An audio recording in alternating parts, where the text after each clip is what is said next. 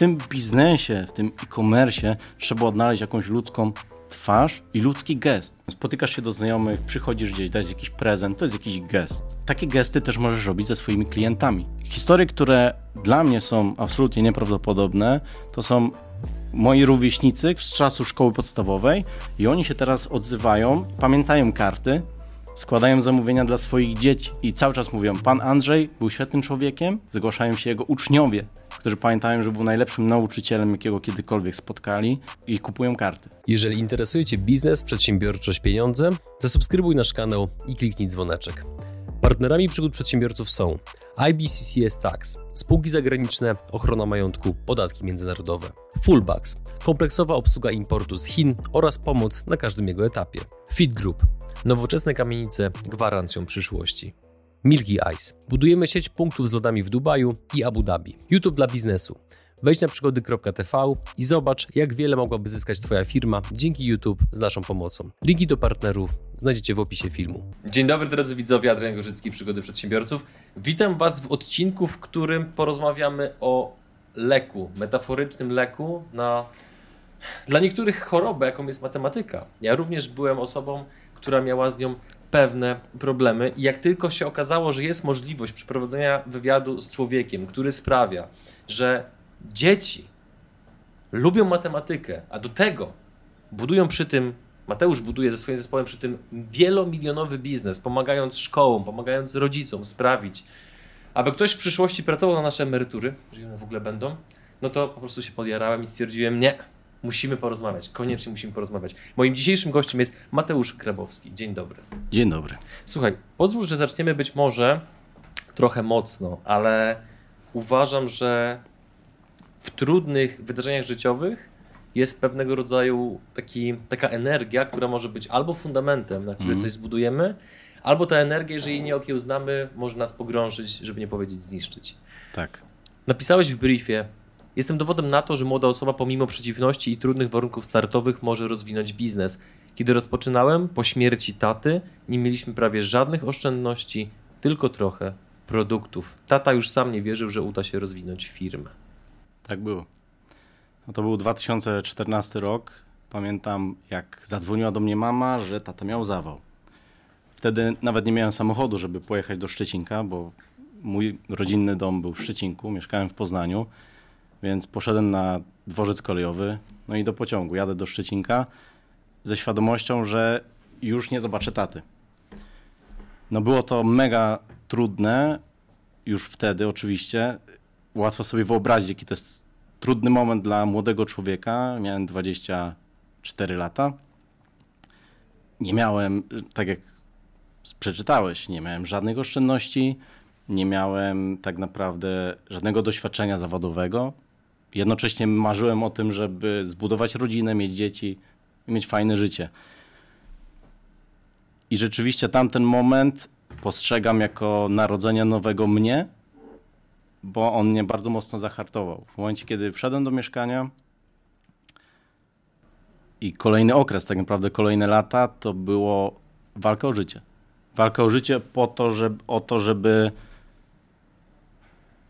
podtrzymać to, co robił tata, bo on stworzył genialne produkty. A tata był geniuszem.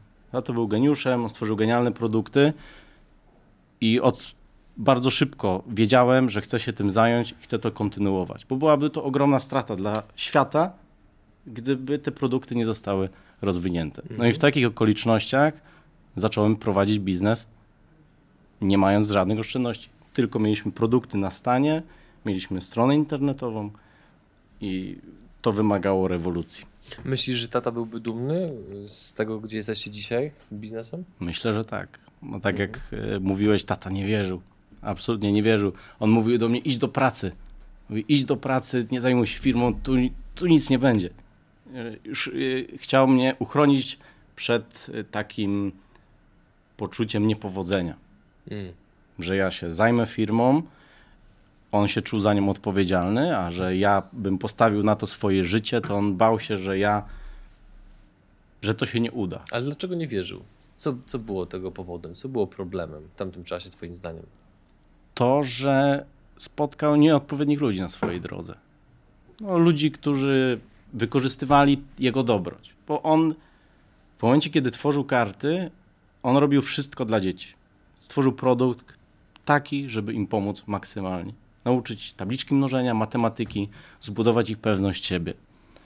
Bo to, co jest przyczyną niepowodzeń w matematyce, to nie jest to, że dzieci nie mają jakichś umiejętności. Oczywiście to po trochę, te, trochę też, ale to, że nie mają pewności siebie, żeby podejmować y, y, wyzwania. Więc tata dawał serce dzieciom, rodzicom, mhm. wszystkim, z którymi miał kontakt. Jednocześnie nigdy nie patrzył na to jako biznes, który ma na siebie jakoś dobrze zarabiać. To dobrze czy źle? No i dobrze, i niedobrze, bo z jednej strony dobrze, bo zachował swój charakter w tym wszystkim. Często był bardzo honorowy. Jeśli ktoś mu robił jakąś krzywdę, odcinał się od takiej osoby, potrafił cisnąć do przodu. On nie widział przed sobą, jak ja widzę tatę, to ja widzę osobę, która cały czas chodzi, jest wszędzie i on nie ma przed sobą żadnych granic, żadnych. I on był dla mnie autorytetem. Cały czas jest. Jak sobie myślę o swoich decyzjach życiowych, co ja miałbym zrobić, to myślę sobie, co by zrobił tata. A tata by wyważył drzwi. Więc ja te drzwi wyważam. I już po śmierci taty stwierdziłem, że to jest jedyne nastawienie, które mogę mieć, żeby osiągnąć cokolwiek w życiu. Nie mogę inaczej postępować. Tak nauczył mnie tata. Tak widziałem, że on postępuje. Więc wracając do, do tego, co wiesz, jak tata funkcjonował, on po prostu nie spotkał na swojej drodze odpowiednich osób, które by pomogły mu rozwinąć biznes, bo też tata miał takie nastawienie, nie wyobrażał sobie na przykład kogoś zatrudnić. On wszystko robił sam. wszystko sam. Wiele rzeczy sam. Pamiętam, y, że tata wpadł na pomysł zorganizowania Mistrzostw Polskich w tabliczce mnożenia. To był absolutnie genialny pomysł. No, wyobraź sobie, tworzysz nowy produkt, myślisz sobie, jak go wypromować. No nie masz nic. No w tamtych w latach 90. jakie były możliwości? Więc on stwierdził, zrobię Mistrzostwa Polskie w tabliczce mnożenia i jakoś przekonam szkoły, żeby przyjechały w jedno miejsce i grały kartami. Więc on te pomysły miał, one były absolutnie genialne, ale jednocześnie pamiętam tą charówę, którą on wkładał w organizację tych mistrzostw. On nie spał praktycznie w ogóle, na przykład przez tydzień przed organizacją. On drukował dyplomy, a y, swoje wizytówki firmowe też sam drukował. W momencie, kiedy ja już byłem na studiach, to widziałem to. Ja mówię, tata, może to zlećmy gdzieś indziej, żeby ktoś inny to zrobił synu, to jest mała rzecz, ja to zrobię. No przecież mamy fajną drukarkę, to ja wydrukuję te wizytówki. Po co w ogóle w to kogoś angażować? Ja to ogarnę. Po prostu tata miał poczucie, że jest, że zrobi wszystko najlepiej i jest wszechmogący. Ja tak go, postrzeg- jak tak go postrzegałem. Z jednej strony to jest dobre, ale w odpowiedniej dawce. Bo ja też uważam, że mogę bardzo wiele, że osiągnę w życiu spektakularny sukces. Uważam, że po tych przejściach, które mam, po tych wszystkich latach też prowadzenia biznesu, osiągnęliśmy niesamowity sukces. Jednocześnie jestem gotowy na znacznie więcej. Idąc dalej, tych produktów, między innymi, wysyłacie kilka tysięcy paczek miesięcznie. Tak. Kto to kupuje? Po co to kupuje? Co mu to daje? Kupują to rodzice, w większości rodzice i szkoły. To, co dają nasze karty, tak naprawdę można było na ten temat napisać książkę. Bo kiedy patrzymy sobie na produkt, który nazywa się karty Grabowskiego tabliczka mnożenia, albo karty Grabowskiego ułamki, które są naszym najnowszym produktem, stworzyła je moja siostra, mm. przy moim wsparciu, ale głównie moja siostra, jesteśmy z tego bardzo, bardzo dumni. To chyba te. Tak jest. To chyba te. Nowość. Zapraszam na stronę kartygrabowskiego.pl, musicie je zobaczyć. Więc słyszycie nazwę matematyczną. No to pierwsza nazwa, pierwsze jak słyszycie taką nazwę, to myślicie, no pomaga on, w, te produkty pomagają w matematyce.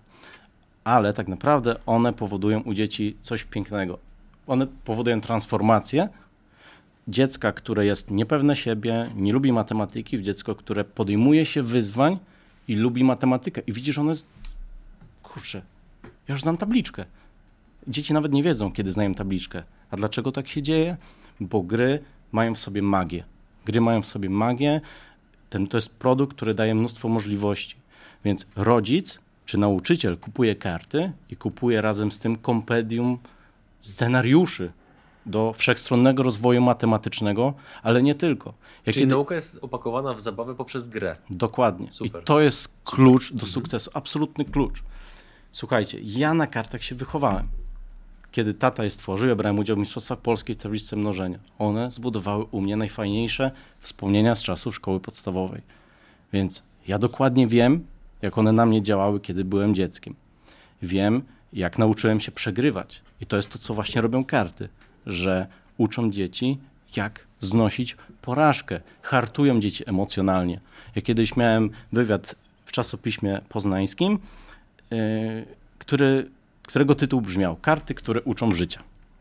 Ja sobie wtedy pomyślałem, że to jest idealny tytuł dla wywiadu ze mną, bo karty mnie nauczyły życia i dzisiaj życia uczą dzieci. To jest produkt absolutnie fenomenalny, bo wyobraźcie sobie produkt, który no są karty. Do tego jest książka. Jeśli chodzi o tabliczkę mnożenia, jest 11 gier. Czyli masz jeden produkt i masz 11 gier. To jest tak, jakbyś kupił 11 produktów w jakimś sensie, bo kartami dzięki temu można grać przez wiele lat i one się dzieciom nie nudzą. Ale to jest tylko wariant podstawowy, bo w rozszerzonym sięgacie po dodatkową książkę macie 45 gier. To jest świat, w którym możesz się po prostu zanurzyć i totalnie odpłynąć. Rodzice nam piszą, że jak przyszły karty, dzieci grają dwie godziny non-stop. Nie, nie co się z dziećmi stało. Ostatnio fajny komentarz czytałem. Pani napisała, ja już mam dość tych kart, bo dziecko chce tylko grać, on nawet nie chce patrzeć w telefon, nie chce się niczym bawić. Ja muszę cały czas z nim grać. Oczywiście. Na, naprawdę? Y, naprawdę? taki komentarz jest. Zresztą Aha. wystarczy wejść na naszego, y, na nasz profil na Google, na naszego Facebooka, tych komentarzy jest tysiące. Wiesz, ja dopytuję, bo ja sam pamiętam swoje doświadczenia z matematyką i jeżeli ten produkt jest w stanie pokonać nawet telefon, no to tak. słowa, wie, które wiesz, powiedziałeś że... o tacie, że jest geniuszem. Tak. Że tych komentarzy jest masa? Naprawdę jest masa. Jak je czytam, to ja mam chęć, żeby działać, bo ja mam poczucie, że my zmieniamy świat, że zmieniamy edukację. Jeśli ja widzę, że szkoła wprowadza karty, a potem te dzieci bo niejednokrotnie jestem na tych zajęciach. Przychodzę do szkół, obserwuję te dzieci, rozmawiam z nauczycielami i nauczycielka mi mówi: Zobacz, ta Tosia, ona w ogóle się nie chciała zgłaszać wcześniej, a teraz zobacz, jak ona jest aktywna na zajęciach. Ja patrzę, że te karty rzeczywiście uczą życia i zmieniają dzieciaki mhm. w bardzo pozytywnym sensie. To, co ja patrzę, że jest bardzo ważne i życiowo, i w matematyce, żeby dzieci miały takie zahartowanie emocjonalne i żeby nie bały się podejmować wyzwań. Bo wiesz, to, z czego biorą się problemy w matematyce, to jest tak. Nie mamy, nie potrafimy na przykład przekraczać progu dziesiątkowego, czyli na przykład dodać 8, dodać 7. Potem mamy problem z tabliczką mnożenia, a jak już jest problem z tabliczką mnożenia, no to potem idziemy ułamki, problem i wszystko inne już jest problem i potem nie wiadomo, gdzie jest źródło problemu. Więc jak mamy na przykład rodzica, który mówi, że jego 12-letnie dziecko nie zna tabliczki mnożenia, to my mówimy, to polecamy najpierw pograć w dodawanie i odejmowanie. Ale jak? Przecież to jest od 6 roku życia. No to niech pani spróbuje. Okazuje się, że to dziecko ma problem z przekraczeniem progu dziesiątkowego i potrzebuje wyćwiczenia w wykonywaniu prostych obliczeń w pamięci. I dopiero potem jest gotowe na tabliczkę mnożenia, na przykład. Kurczę, ile wy już żyć zmieniliście, co? Bo wydaje mi się, że jeżeli to ja jeszcze nie mam dzieci, więc siłą rzeczy nie trafiłem te produkty wcześniej, natomiast cieszę się, że możemy na łamach naszego programu pokazać e, rodzicom, że taki produkt istnieje. Więc ile ty już żyć zmieniłeś? Ile zmieniliście żyć dzięki tym produktom? Ostatnio liczyliśmy, że no nie wiem, chyba łącznie tabliczki mnożenia mamy sprzedane 150 tysięcy sztuk. Mm licząc, patrząc na to, że część z nich idzie do szkół, to trudno to policzyć, ile jest tych żyć, które zmieniliśmy. Tak. Ale to jest, to jest historie, które dla mnie są absolutnie nieprawdopodobne. To są moi rówieśnicy, którymi kiedyś znałem, albo w, z, mnie, z czasu szkoły podstawowej, i oni się teraz odzywają, pamiętają karty, składają zamówienia dla swoich dzieci. I cały czas mówią: Pan Andrzej był świetnym człowiekiem, zgłaszają się jego uczniowie, którzy pamiętają, że był najlepszym nauczycielem, jakiego kiedykolwiek spotkali i, i kupują karty. Hmm. dzisiaj. Zobacz, jakie to jest, to historia zatacza koło. No i kolejna liczba mm, z briefu. W Światowym Dniu Tabliczki Mnożenia, którego jesteście organizatorem, darmowa akcja edukacyjna, wzięło ponad milion uczestników od Tak. 2011 roku. Tak. Tata właśnie miał te genialne pomysły. Jednym z nich było stworzenie, jemu było mało, jeśli chodzi o propagowanie matematyki w formie zabawy. Na początku, właśnie w tym 2011 roku, usiedliśmy i on stwierdził, zróbmy ogólnopolski Dzień Tabliczki Mnożenia. Damy zadania y, różne, żeby szkoły mogły sobie je mm, y, wydrukować, ale przede wszystkim tu chodziło o coś więcej, o zamianę ról, żeby to dzieci stały się egzaminatorami i przepytały dorosłych. Czyli gdyby dzisiaj był Światowy Dzień Tabliczki Mnożenia i pomimo, że tutaj przed wejściem jest tabliczka, że trwają nagrania, to jakby był Światowy Dzień Tabliczki Mnożenia, taki patrol egzaminacyjny z dziećmi mógłby tu wparować i nas przypytać z tabliczki mnożenia. I to jest najfajniejsze, że dzieci są egzaminatorami i przepytują dorosłych. No, więc z ogólnopolskiego stał się światowym. No bo czemu ograniczać się tylko do Polski? Więc zrobiliśmy Światowy Dzień Tabliczki Mnożenia, który chwycił w wielu krajach, w Polsce, w Kolumbii, w Stanach. Naprawdę wiele tych krajów już się nam przewinęło. Tajlandia, Rumunia. Mhm. Pogadajmy chwilę od takiej strony nieco bardziej biznesowej, bo mm, ty znajdujesz się, mam wrażenie, dzięki swojej pracy, dzięki też pomysłowości taty, w bardzo unikalnej sytuacji, gdzie powołaliście do życia pewną ideę, pewien koncept, który wpływa na tysiące ludzkich żyć obecnie. Co byś powiedział osobom, które wydaje im się, że mają w głowie świetny pomysł, ale ten świetny pomysł na tej mentalnej półce tkwi już od dobrych kilku lat i nic się nie dzieje. Wydaje mi się, że to, co teraz powiem, chyba będzie najlepszym, co mógłbym powiedzieć na ten temat.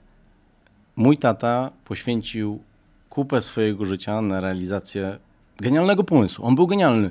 Ludzie to doceniali. Poświęcił na to 20-25 lat swojego życia. Ostatecznie firma nie rozwinęła się tak, jak on sobie marzył. Już mówiąc zupełnie wprost, to był absolutny dodatek. To było 1000-2000 zł dochodu. To nie jest dużo, jeśli chodzi o szczególnie o rozwój firmy. Sam wiesz, jak rozwijasz firmę, ile potrzebujecie pieniędzy, żeby zrobić marketing. Odrobinę więcej. Troszkę więcej, prawda? Tak. To jest niewiele, to jest prawie nic. I to pokazuje, że pomysł to nie wszystko. Prawda, bo możesz mieć genialny pomysł, możesz się nim niesamowicie cieszyć, bo tata naprawdę przez wiele lat miał niesamowitą energię, jeździł po szkołach, robił warsztaty, Mistrzostwa Polski, super. Ale jak nie dołożysz do tego struktury firmy i przede wszystkim, co jest kluczowe, jak nie zaufasz innym, to nic z tego nie będzie. Bo z tym pomysłem możesz mieć w głowie i z nim umrzeć. I później na nagrobku będziesz y, chciał, żeby ci napisali, że o, miałem taki pomysł. No i co z tego? To nic nie zmieniło, że ty miałeś ten pomysł w głowie. Ale pomysł to jest nie wszystko. Przede wszystkim trzeba zaufać ludziom i to, co ja zrobiłem, to zaufałem ludziom. I w każdym możliwym momencie po śmierci taty ufałem ludziom. Wielu. Nawet kiedy zawodzili? Tak. Wątpiłem wiele razy. Wiele razy wątpiłem. Y, Teraz mam absolutnie świetny zespół. Trzech osób, teraz dochodzi czwarta. Ja firmę prowadzę razem z moją siostrą. My mamy ogromny komfort poświęcania 90% naszego czasu na rozwój, na myślenie. To jest nieprawdopodobne. My nie zajmujemy się praktycznie żadnymi rzeczami operacyjnymi. Wychodzi kilka tysięcy paczek, które obsługują dwie osoby. Tak świetny zespół zbudowaliśmy. Wiesz, że to jest anomalia w skali rynku, że tak małą firmą generujecie taką skalę działalności, takie obroty, Możliwe. takie zyski. Możliwe. Panie, jak to zrobiliście? Metodą prób i błędów. Po pierwsze, ja cały czas wierzyłem w produkt, że on jest genialny. To jest, to jest w ogóle podstawa. Fundament. Fundament. No, to jakbyśmy sobie patrzyli na strukturę, no to mamy fundament, czyli genialny produkt. No dobrze, ale jeśli ten jest genialny produkt, to ja przy okazji patrzyłem, jakie ja mam swoje cele prywatne i to może zaskoczy, w jaki sposób ja zbudowałem firmę i teraz mówię o celach prywatnych. Więc w 2016 roku wzięliśmy ślub z żoną, chcieliśmy założyć rodzinę, ja mu powiedziałem, do 30 chcę już mieć cały komplet dzieci, jaki sobie chcemy. Mówiliśmy o trójce. Skończyło się na dwójce, już trzeciego nie będzie. No, już mamy, już, już wystarczy. Więc tak, miałem w planie. My chcemy mieć dzieci. Żona zaszła w ciążę, ciąża od samego początku była zagrożona i żona całą ciążę musiała leżeć. Więc w tym momencie, kiedy ja gdzieś tam próbowałem się rozkręcić, nagle też musiałem przejąć wszystkie obowiązki domowe. Trudny czas. Trudny czas. Więc jednocześnie cały czas wierzyłem w produkt. I moim celem było to, że jak moje dziecko się urodzi, ja chcę z nim być przez cały czas. Chodzi mi o pewien okres, że chcę oglądać zdjęcia i pamiętać, jak, a, jaka śmieszna była sytuacja, jak było, miało pół roku, rok, dwa, trzy lata. Ja nie chcę żadnego okresu omi ominąć. Więc mając to w głowie, to zmuszało, to mnie zmuszało do podjęcia pewnych działań. Więc pierwszym działaniem było to, żeby zatrudnić pierwszego pracownika. I to było ciekawe, bo to było w 2017 roku i zatrudniłem pierwszą osobę, która miała tak mało pracy, że pewnie sobie myślała w głowie, ale frajer, jaką on zarobi z tą pracę? Że ja sobie przychodzę, tam pięć paczek, wtedy było pięć paczek. Pięć paczek, co ja mam tu robić? No, praktycznie za nic mam tą wypłatę. Ja sobie myślałem, wiedziałem, że ona tak może myśleć, ja sobie myślę, jak zrobić, żeby ona miała więcej pracy? Czyli w tamtym momencie wiedziałem, że produkt jest genialny, wiedziałem, jaki mam plan na rodzinę i wiedziałem, że muszę mieć inne osoby. Ale nie było tej pracy. Więc zacząłem kombinować, co tu zrobić, tak? No bo mieliśmy stronę internetową, mieliśmy nazwę karty Grabowskiego, ale to nie jest tak, że masz stronę, masz fajny produkt i to ci ludzie przyjdą. To tak nie działa. Więc marketing, Facebook. Zaczęło się od Facebooka. Słuchaj, zacząłem robić reklamy na Facebooku. Pierwszą reklamę, którą uruchomiłem, to wydawało mi się, że to jest nieprawdopodobne, bo uruchomiłem reklamę i z 5-10 zrobiłem, zrobiło się 50. Ja mówię, to jest niemożliwe. I to jest też ciekawe, że w tamtym momencie stwierdziłem, że to jest ten moment, że będziemy się rozwijać. Ja nie sądziłem, że to jest przypadek. Po prostu uwierzyłem w to, że to, co zrobiłem dzięki tym reklamom, to nie jest przypadek. Na tyle w to uwierzyłem, że narzuciłem sobie jeszcze większą presję bo w, gdzieś tam w okolicach 20 e, lipca, czyli to dosłownie miesiąc, kiedy tam większe były jakieś obroty. Ja stwierdziłem, no dobra, to dziecko w drodze, no to musimy mieć dom, bo ja nie chcę już mieszkać w wynajmowanym mieszkaniu. Tylko, że wtedy problem był taki, że jeszcze w tamtym momencie miałem bardzo niewiele pieniędzy odłożonych. No, kilka tysięcy. No to na wkład własny nie starczy. A ja mówię, jakoś uzbieram. Więc poszedłem do doradcy kredytowego i mówię, że w ogóle najpierw dom wybrałem w kilka dni, stwierdziłem, dzwonię do żony, byłem oglądać, to jest ten dom, będziemy tu mieszkać. Ona mówi, okej. Okay. Autentycznie, tak to wyglądało. U mnie tak wyglądał proces znalezienia mojego miejsca na ziemi. Potem poszedłem do doradcy kredytowego, mówię, że mam dom, to jest taka wartość, chcę kredyt. Ona mówi, przecież od stycznia do czerwca panu wychodzi 2-3 tysiące złotych. To pan nie dostanie kredytu. Ja mówię, spokojnie, jest lipiec, teraz jest zwiększona sprzedaż, wszystko będzie dobrze. I potem lipiec, sierpień, przedstawiłem te wyniki, one rzeczywiście były większe i bank dał mi kredyt, ale zanim mi dał kredyt, ja musiałem mu napisać argumentację, skąd takie duże, nagle taki skok. To ja pamiętam, to było bardzo ciekawe doświadczenie, bo pisałem do banku pismo, w którym wyjaśniałem, że mamy strategię marketingową, że zrobiłem reklamy na Facebooku, że przeznaczamy takie, takie środki, czyli musiałem im marketingowo wytłumaczyć, dlaczego ja powinienem dostać kredyt. I dostałem ten kredyt. Czyli zaakceptowali to wyjaśnienie? Zaakceptowali. I to było bardzo ciekawe doświadczenie. Pamiętam, że się śmiałem w duchu, ale wiedziałem, że ja napiszę to pismo, oni mi dadzą ten kredyt. Ja po prostu stwierdziłem, że nie mam wyjścia, ja to muszę zrobić, żeby to mi się udało.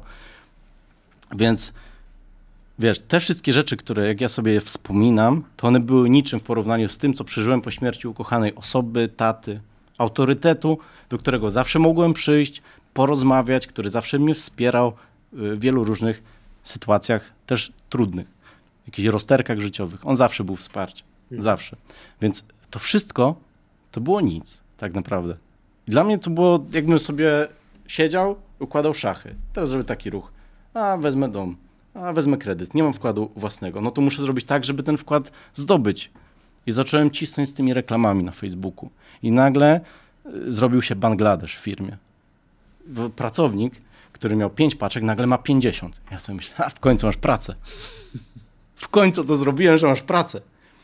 Więc jak ona miała już dużo pracy, no to zatrudniłem kolejną osobę. I ten rozwój był na tyle dynamiczny, na tyle spektakularny, że w przeciągu dwóch lat trzy razy zmieniałem biuro. Na przykład wprowadzam się do jakiegoś biura, remontuję je. Ach, tu będę pięć lat. byłem pół roku, bo okazało się, że rozwój był na tyle szybki, że zabrakło nam miejsca. I ja trudno, włożyłem pieniądze w remont, to mnie nie obchodzi, bo ja chcę iść dalej. Uchyl rąbka tajemnicy. Co napędzało tak dynamiczny wzrost i nadal go napędza? Oczywiście zakładam, że nie możesz powiedzieć wszystkiego, know-how, kwestie potencjalnej konkurencji i tak dalej, ale takie być może uniwersalne obserwacje, Tak. które mogliby wziąć przedsiębiorcy nie tylko z e-commerce'u, ale również z innych branż. Wiesz, co my zrobiliśmy, czego, co niewiele osób robi. My stwierdziliśmy, że chcemy sprzedawać karty na naszej stronie. Tylko i wyłącznie. Kiedy zgłaszały się do nas, zgłaszali się do nas hurtownicy, mówili, my chcemy karty u siebie. Prawda, duże firmy się do nas zgłaszały, że chcą mieć karty u siebie w sklepach. My mówimy, nie mamy cen hurtowych. To jest to, co my zrobiliśmy. I tak być może ktoś słucha i pomyśli sobie, no trochę szalone przecież. Jeśli odzywa się jakaś duża sieć do ciebie, no to daje ci skalę. A ja tą skalę celowo odrzucałem. Prze No. Przewrotna odpowiedź, bo wierzyłem, że długofalowo jestem, zbudowa- jestem w stanie zbudować odpowiednio silną markę na naszej stronie internetowej i ludzie w pewnym momencie, jak będą się zastanawiali, gdzie kupić karty Grabowskiego, będą wiedzieli, że na stronie kartygrabowskiego.pl. I to jest ogromny komfort w prowadzeniu firmy dla nas, że to mamy, bo ludzi, ludzie nie muszą myśleć, gdzie kupią karty. One je kupią u nas. No i nie dzielicie się marżą z nikim. Nie dzielimy się z nikim, z nikim marżą i mamy wpływ, jak ten produkt wygląda na rynku. No bo tak, zmiana ceny. Wyobraź sobie sytuację, gdzie jestem u 5, 10 firm ma nasze karty na stronie. Nagle ja wiem, że muszę zmienić cenę. Jak ja mam dopilnować, żeby oni też zmienili cenę na przykład u siebie?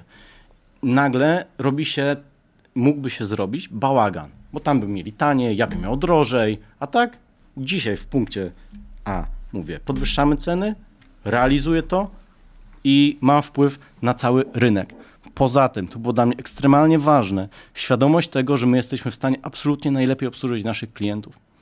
My robimy wszystko, żeby paczki wyszły, my je wypychamy. Każdą ostatnią. Kurier przyjeżdża, wpada zamówienie, mówimy, poczekaj chwilę, musimy dopakować.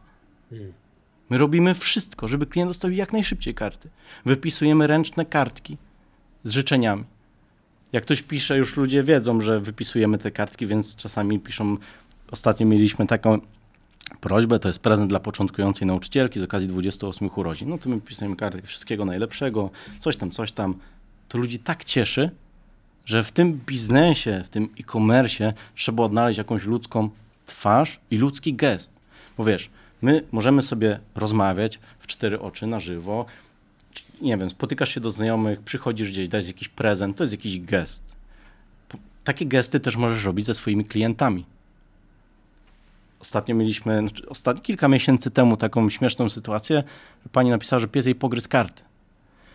My stwierdziliśmy, no dobrze, wyślemy pani karty, no bo trochę głupio, żeby klient musiał kupować wszystko od nowa. Jedynie, żeby pokryła pani koszt przesyłki.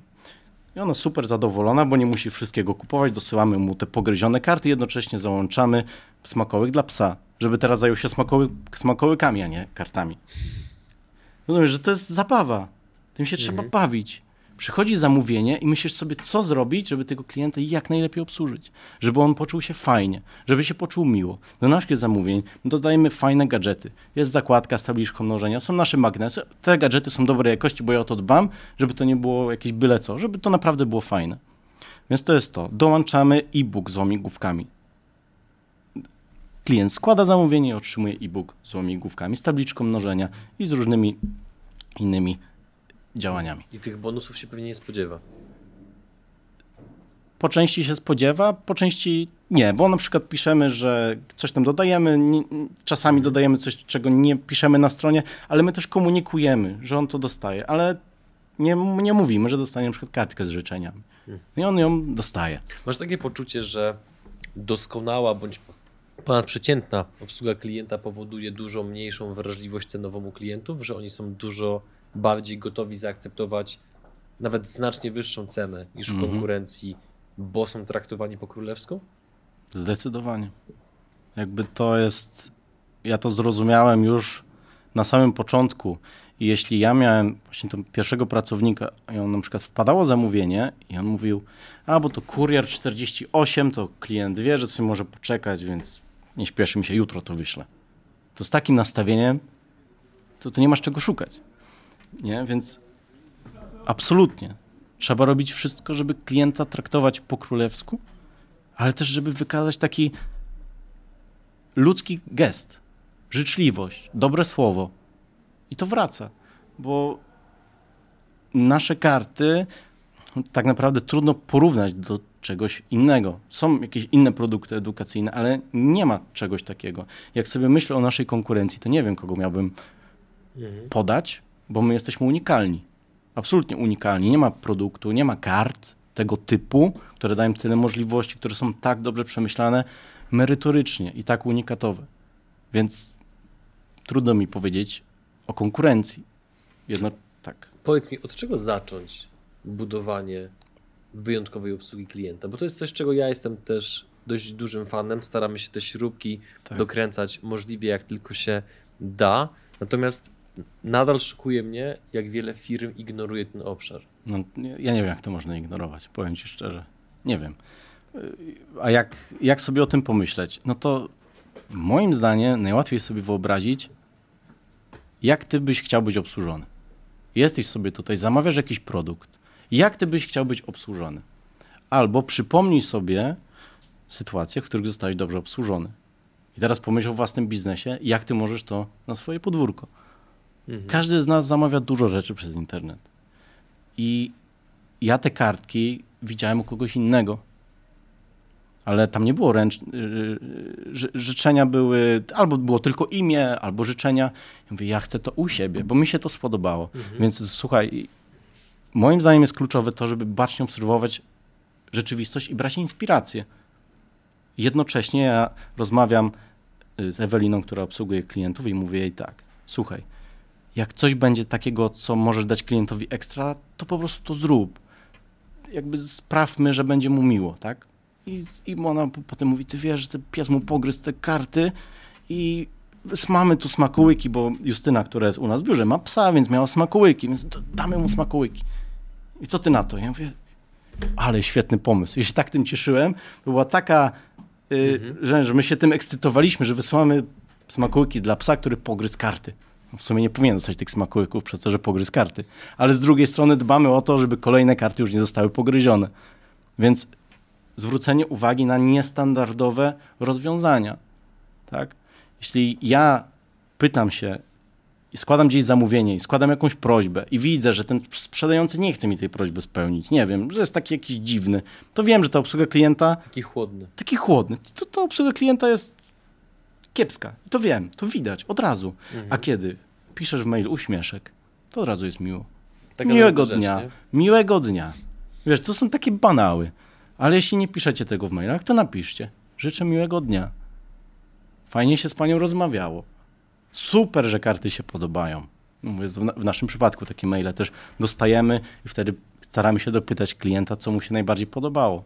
I też warto, absolutnie, to jest mega ważne, jeśli się prowadzi e-commerce, ja czasami dzwoniłem do klientów i pytałem się, co im się podobało. Dlaczego kupili karty?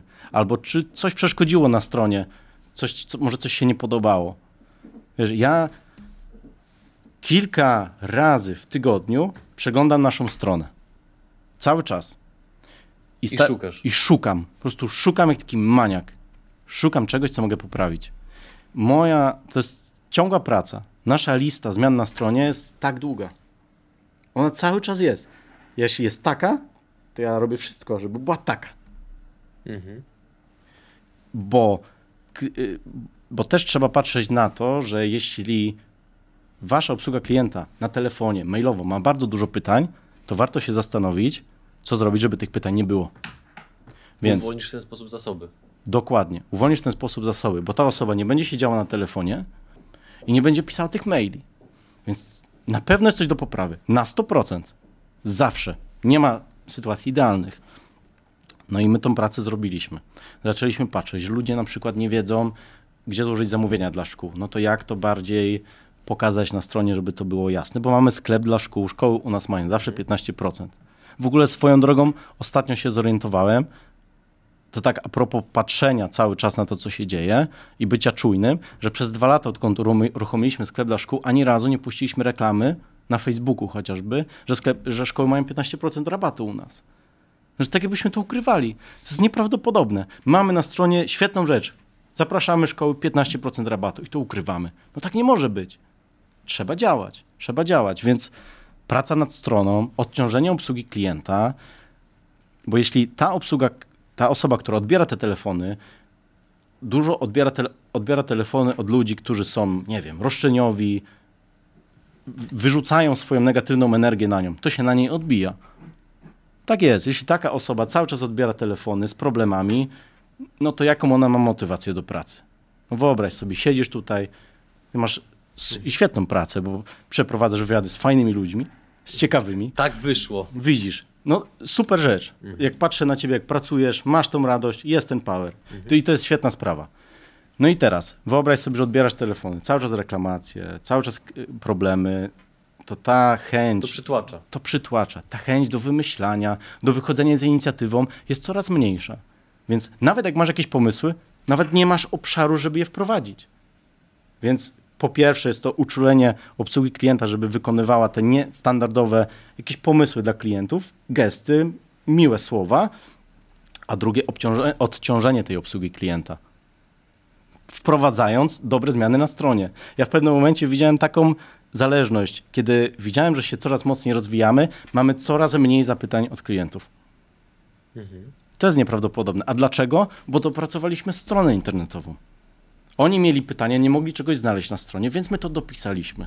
Zastanawialiśmy się, czy ten kolor przycisku jest taki, czy powinien być inny.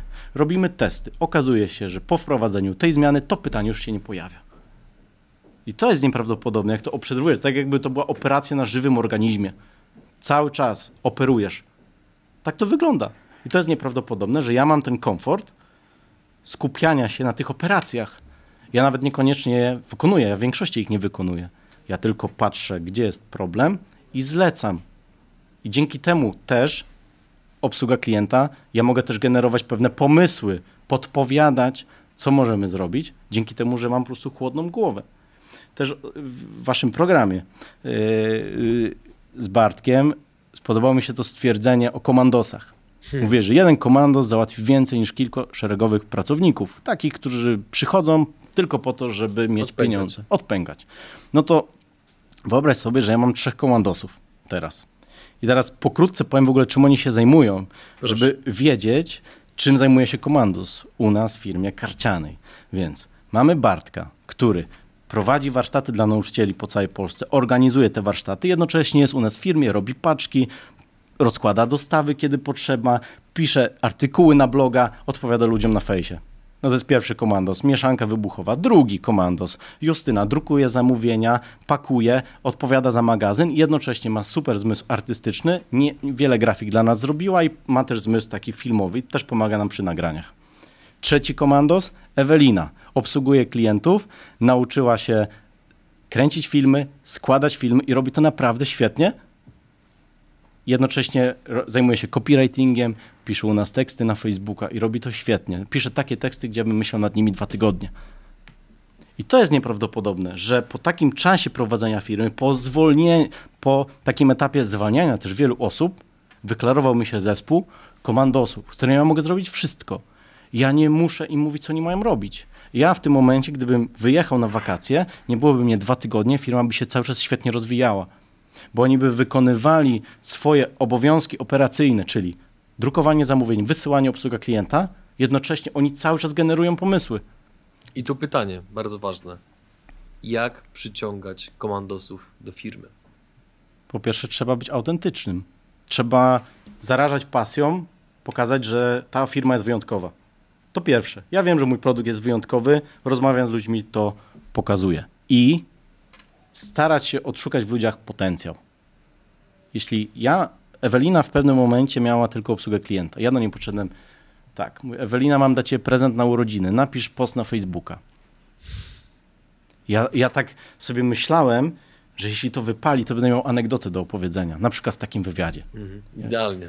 Słuchaj, ja mówię, Boże, jak ja to, jak ja to sobie wymalowałem. Mówię, powiem to, jak chwyci, to będę o tym opowiadał. I okazało się, że ten post jest świetny. Ty, Ewelina, a, a co powiesz na to, żebyś kręciła filmy? No dobra, zobaczymy. Dobrze kręci. Tak zaczęła dobrze kręcić, to kupiłem jeden aparat, lampę, to, to, to, zrazu zbudowałem jej studio, żeby ona kręciła. Okazuje się, że świetnie składa. Czyli komandosów trzeba odkryć. To mogą być pracownicy, którzy zajmują się absolutnie podstawowymi rzeczami, ale trzeba z nimi rozmawiać, trzeba zobaczyć, jakie mają zainteresowania i być może mogliby się zająć zupełnie czymś innym, tak jak Ewelina. I ona teraz ma absolutnie ciekawe stanowisko, które jej się podoba. Mam nadzieję przynajmniej, jak tego słucha, to mam nadzieję, że jej się to podoba. E, I to jest nieprawdopodobne. Odkrywanie w, ludzi, w ludziach potencjału. Ja to próbowałem robić z każdym pracownikiem, który wiedziałem, że mi się na przykład nie podoba. Wiesz, ja miałem trzy osoby, które pracowały u mnie dwa lata, a mniej więcej już pół roku przed tym okresem dwuletnim już wiedziałem, że coś tam może być nie tak. Ale co ja robiłem? Rozmawiałem z nimi, próbowałem pewne rzeczy im, nie wiem, może pokazać. w sobie, może napisz coś na bloga. Albo może masz talent graficzny, tylko o tym nie wiesz. Ja wierzyłem naiwnie, y, że każda osoba ma w sobie taki potencjał, którego sama nawet nie wie, ja mogę to odkryć. Ja w to wierzyłem. I raz mi to wypaliło z Eweliną. A wiele razy mi to nie wypaliło. Ja już stwierdziłem, dobra, niech już każdy robi to, co tam ma i już, już mi się nie chce. Bo, bo nie wypalało, tak? Te osoby poddawały się, nie miały, nie widziały tutaj miejsca na jakiś inny obszar i koniec końców z nami nie pracują ale mam świetnych komandosów. Jednocześnie ja i moja siostra jesteśmy na samej górze. Ja jestem osobą, która jest taka żywiołowa, generuje pomysły. Ja potrafię wejść w nieznane totalnie, a moja siostra to dopracowuje. I dzięki temu to, co robimy, jest unikatowe, bo ona jest w stanie przynieść rozwiązanie idealne, które ja rzucę, ona to dopracuje później i tak sobie razem to kiełkuje w naszych głowach. Powiedz, jak się z Wami skontaktować, gdyby ktoś chciał zostać Waszym klientem, może ktoś chciałby zostać kontrahentem, ktoś chciałby z Wami współpracować w tej czy w innej formie? Gdzie Was szukać? Strona kartygrabowskiego.pl to jest nasza strona, Facebook, Instagram. Wchodzimy też na TikToka. Teraz mam osobę, która dołącza do naszego zespołu i będzie się tym e, zajmowała. Słuchajcie, jeśli a może tu się teraz zwrócę. Jeśli jesteście rodzicami, chcielibyście przekazać nauczycielom dzieci w swojej szkole, że jest taki fajny produkt jak nasz, to zachęcam do pokazania naszej strony kartygrabowskiego.pl. Tam znajdziecie opisy produktów, filmy instruktażowe. I to może też jeszcze przy okazji powiem, tego nie miałem w planie, ale Proszę. Rozwijamy też bloga i autentycznie w końcu mi się udało znaleźć system, żeby ten blog prowadzić regularnie co tydzień. Przez wiele lat to było raz na mhm. pół roku. Więc szukamy osób, które byłyby chętne pisać u nas na bloga na tematy edukacyjne, matematyczne, o rozwoju dzieci. Więc jeśli jesteś taką osobą, to możesz też bezpośrednio do mnie na maila napisać na mateusz małpa kartygrabowskiego.pl. I tu stawiamy kropkę, drodzy widzowie, słuchacze. Dziękujemy Wam za Wasz czas. Widzimy się w kolejnym odcinku. Mateuszu, dziękuję za rozmowę przede wszystkim z dwóch powodów. Po pierwsze, że ona miała trochę charakter taki, powiedziałbym, emocjonalny i prywatny. Dziękuję za tę otwartość, bo to pokazuje też takie prawdziwe korzenie tego, co dzisiaj budujecie. A z drugiej strony, dziękuję za to, że realizujecie z mojej perspektywy bardzo istotną misję, no bo jednak postrzeganie matematyki w Polsce wciąż chyba jest dalekie od ideału, mhm. a wasza praca realnie przybliża nas do tego, żeby dzieci, żeby generalnie ludzie lubili matematykę, która jest po prostu potrzebna w życiu. Tak Dziękuję jest. Ci za to. Dzięki.